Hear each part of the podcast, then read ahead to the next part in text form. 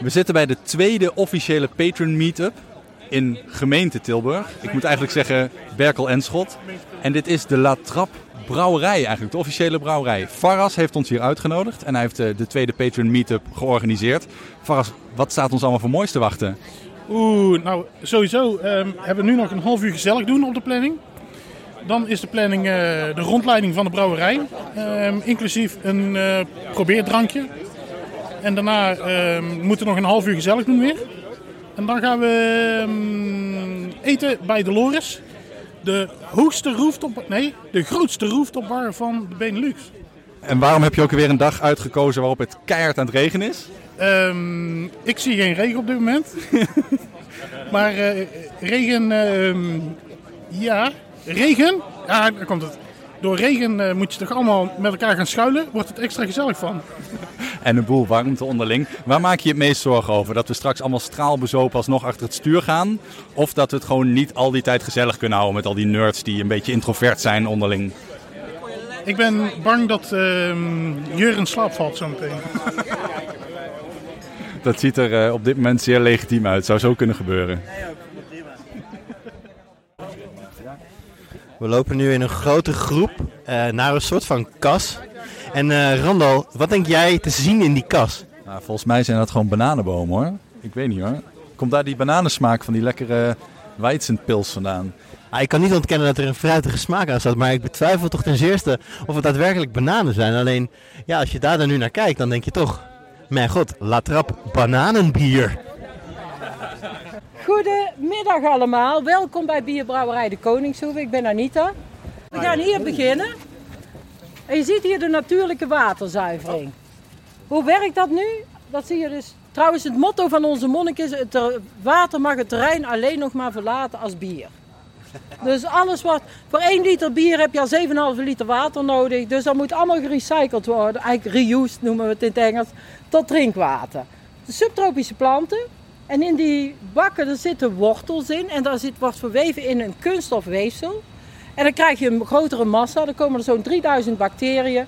En eigenlijk, je moet zo zien, de gezonde bacteriën eten de zieken op. En zo gaan we dus het water op een natuurlijke wijze zuiveren. Wat overblijft is slip, wat dan over eh, de bemesting wordt eh, gebruikt. Alle materialen die we gebruikt hebben zijn of gerecycled of recyclebaar. We hebben 145,5 zonnepaneel. Waarom de half weten we niet, maar daar zit een half bij. Uh... Rando? Ja? Ik moet even een frustratie kwijt. Ja, ik ben bang dat ik het al weet. Ze zei vanille. Oh ja, vanille. Ik kan echt niet tegen mensen zeggen vanille. vanille. Ja, maar dat is toch hoe je het noemt, vanillevla. Ga weg. nou, waar zijn we nu hier bij de trappisten? En de trappist is één van de strengste orders die we in Nederland kennen. Boven de poort staat Benedictus. En Benedictus zat in Rome in een klooster, vond de regels niet streng genoeg. Ging een tijd als kluizenaar leven en heeft de regels voor de Benedictijnen opgericht. En de belangrijkste regels, ora et labora, regelmaat en soberheid. En de regelmaat bestaat uit 8 uur werken, 8 uur bidden, 8 uur rusten. Nou, in, uh, na 100 jaar zijn een aantal monniken, nou die regels worden lang niet streng nageleefd. Zo ontstonden de Cisterciënzen. En onze monniken komen uit het klooster La Trappe in Normandië en die vonden de regels nog niet streng genoeg. En zo ontstonden de Cisterciënzen van de strikte observantie. Maar probeer daar direct na een paar biertjes maar eens uit te spreken. Lukt me ook nu dus in de volksmond gewoon trappisten. Nou, in de 19e eeuw zou de Franse regering de monniken als bedreiging hebben een trappist op pad gestuurd om een toevluchtsoord te zoeken, was Sebastianus Biaar. Had in het leger van de paus gezeten, zo een aantal paters van Tilburg ontmoet. Is hij terechtgekomen, hebben hem in contact gebracht met Casper Hoebe. En die heeft goed gevonden dat de grootste boerderij, een schaapskooi, ingericht werd als toevluchtsoord. Dat werd een brouwerij. En niet zomaar, want hier in het zuiden van het land was bier volksdrank nummer 1. Wij hier in Brabant hadden 135 brouwerijtjes, Limburg nog 5 meer en de rest van Nederland maar 88. En jullie weten ook waarom we allemaal bier dronken? Lekker. Lekker. Het water was niet zuiver genoeg. Dus zelfs kleine kinderen dronken toen tafelbier van 1% alcohol. Omdat je bij bier water kookt en dat was veiliger als water drinken. Maar op de linkerfoto zie je broeder Palemon en die bakte hier als laatste de broden. Het waren broden van 2 kilo. En dat was noodgedwongen, anders was de dag te kort om voor iedereen brood te bakken. Dus dan ging je om half twee naar de kerk en als de mis afgelopen was, ging je hout sprokkelen bij deze oven. Onder de foto staat een spe speculaasmachientje. Eén keer in de maand mochten ze een koekje eten. Wij gaan naar de winkel en kopen een pak. Als ze het aten, moesten ze het wel zelf maken. Vandaar een speculaasmachientje. Heel even voorzichtig. Hier is een snijmachine. Daar klemde hij zijn brood tussen. En dan ging het automatisch een snee vooruit. Dan kon je de dikte van de snee instellen. Er zit een behoorlijk mes in, dus daar hebben wij maar plaatjes voor gezet, anders vinden we vingers iedere dag. En dat is ook niet de bedoeling. Oh, sorry. Een ouderwetse telefoon. Ze mochten dus niet praten en toch hadden ze vrij veel telefoon. Maar een aantal monniken die mochten daar gebruik van maken, die hadden zo'n morsetekens. En wat deden ze dan? Dan tikten ze op horen en door middel van de tikken wist de monnik aan de andere kant wie het was. Kwamen ze hier en gingen ze in gebarentaal verder. Eén uitzondering staat er ook onder bij brandalarm. Wacht tot opgenomen wordt, zeg in weinig woorden waar en wat voor. Dan gaan we nu naar de brandweerauto. De brandweerauto, die broeder Samuel, die ook altijd kwam kletsen, die vond dat wij te ver van Tilburg en Berkelenschot afwoonden. Die zei, ik wil een eigen brandweerauto. Hij heeft deze auto van Tilburg gekocht voor 1 gulden. Auto uit 1959. En als er echt brand was, dan belden we liever de brandweer. Want als we boven olie ingooiden, die kwam eronder net zo hard uit. Maar hij zei altijd, ik red jullie wel. Langer terug waren er iedere zaterdag oefeningen van korps in de omgeving van brandweer. Dan mocht hij op zijn auto rijden. Had geen rijbewijs, dus voor onze auto's was veiliger als vrijwilligers het deden. Toen broeder Samuel overleden is, is deze auto naar Hellevoetsluis gegaan, het brandweermuseum. Subsidies werden ingetrokken, dus de auto kwam terug. Heeft hij een jaar buiten gestaan, dan zie je de lak er niet mooier op geworden. Hebben de spiegels eraf geschroefd en de lampen en nu past hij er precies binnen. Dus mocht er nu echt brand zijn, bellen we toch liever de brandweer. Die is sneller als wij deze auto uit hebben. Maar hij blijft nu de nagedachtenis van broeder Samuel hier staan. Ik heb ondertussen wel één ding geleerd. Weet je wat? Nee, ik heb geen idee. Broeder Samuel was een motherfucking eindbaas. Ja man, die shit, hij beheerste die shit gewoon hier. Hij zorgde dat iedereen veilig was. Hij kon gewoon niet rijden. Maar YOLO dacht hij, ik zit hier toch de hele dag braaf te bidden en bier te maken. Dan kan ik net zo goed een beetje een lolletje trappen. Ja, dat. En ze hadden dus de regel hier dat je hier dus niet mocht praten. De monniken mochten dus niet praten. Maar broeder Samuel dacht... Maat, ik heb een tong gekregen van, van, van God, van de Heer. Ik, ik ga gewoon praten. Hij maakt gewoon een babbeltje met Jan en alle man die hier allemaal langskwamen. En hij heeft dus zijn eigen brandweerservice opgezet. Ik vind de, broeder Samuel is wel gewoon eh the way to go wat mij betreft hoor. Ja, lekker morsecode om onderling te kunnen praten. Van, ja, nee, we gaan niet praten. We gaan alleen gewoon lekker morsecode naar elkaar. Ja, maar dan had je broeder Samuel en zei ja, en hoe is het met jullie dan? Tik, tik, tik, tik, tik, tik, tik, tik.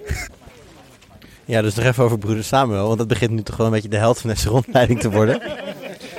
hij kwam dus het klooster binnen met een eh, familie met 18 kinderen. En het, hij hield van het leven inderdaad. En terwijl iedereen al lang en breed op bed lag, pakte broeder Samuel dus zijn fiets. En eh, nou ja, we hebben natuurlijk net al even gezegd dat hij hier de, de vrijwillige brandweer runde. En toen ging hij dus op de fiets op bezoek bij zijn brandweermaatjes elders in Brabant. En eh, ja, een beetje doorzuipen. Ik vind het wel mooi. Ja, hij had al lang op bed moeten liggen. Dat vind ik nog mooier. Dat je denkt, ja, iedereen moet wel zo en zo laat in bed. En anders ben je niet meer vroom. Nou, YOLO, huppakee. Mensen redden door bier te drinken. Ik vind dat eh, een go- een goede zaak. Zou ik ook wel willen. Ja, broeder, broeder Samuel, absolute legend. Ik moet een Wikipedia-pagina voor die man maken. In de 17e eeuw was er opnieuw een hervorming. Monniken van de abdij La Trappe in Normandië vonden dat de naleving van de regels strikter kon.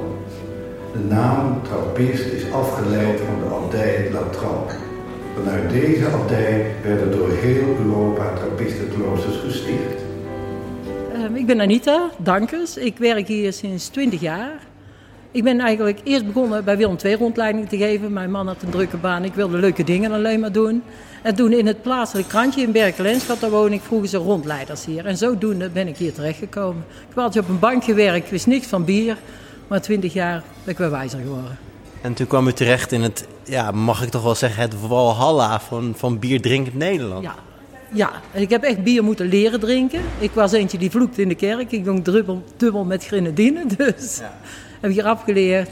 Ondertussen ja, ben ik ook proeverijen zelf gaan geven. Dus Nou hebben wij natuurlijk net een hele uitgebreide rondleiding van u gekregen. En er zijn twee dingen waar ik nog heel eventjes op terug wil komen. Omdat ik toch wel graag die uitleg even goed wil hebben.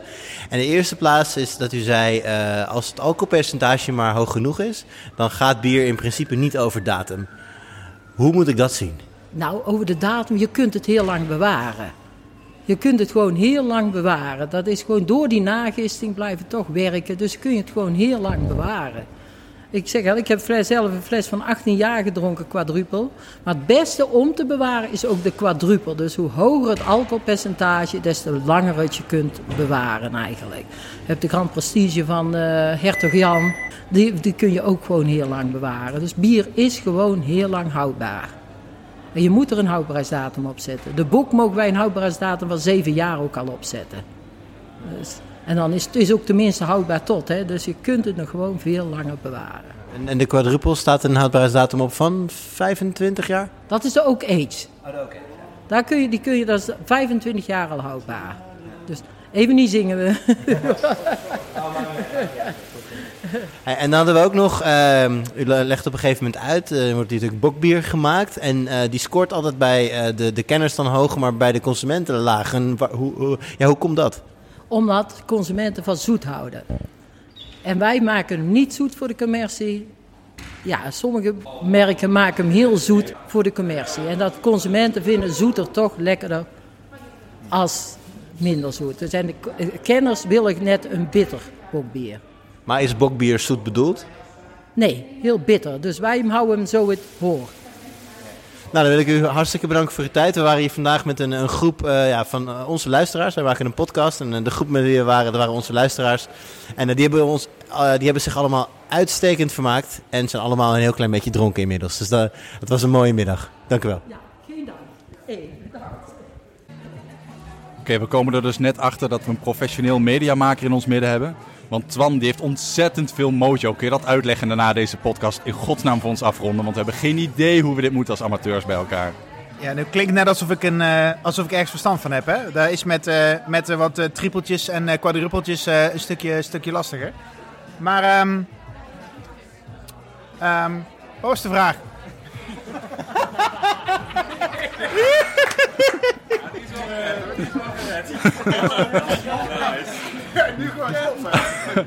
Oké, ik trek de handschoen aan. I'll do it myself.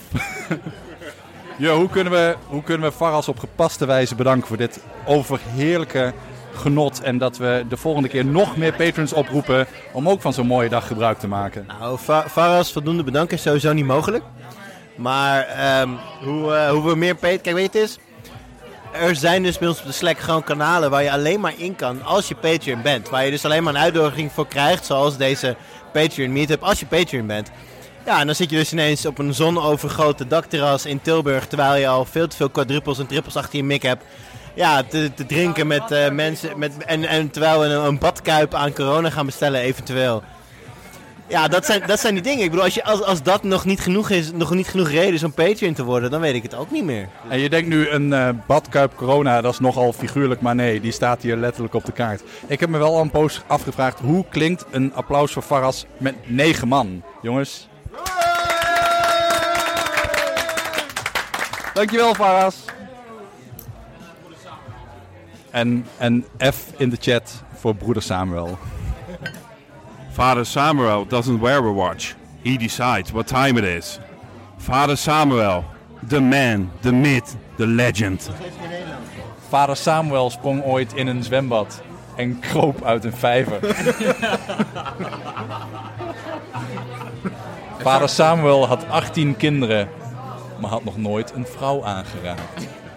Vader Samuel's bloedgroep is AK-47. Wanneer eh, vader Samuel eh, je de vinger geeft, vertelt hij je eigenlijk hoeveel seconden je nog te leven hebt.